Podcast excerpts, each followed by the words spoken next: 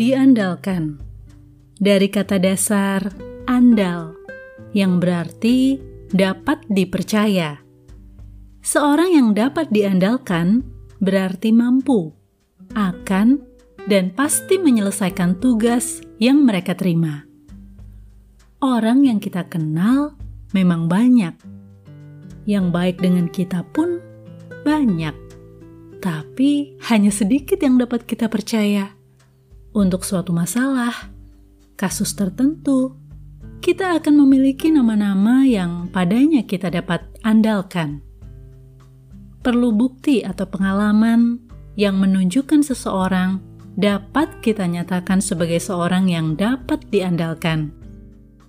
Dikenal sebagai orang baik itu satu hal, namun dikenal sebagai orang yang dapat diandalkan itu lebih berarti.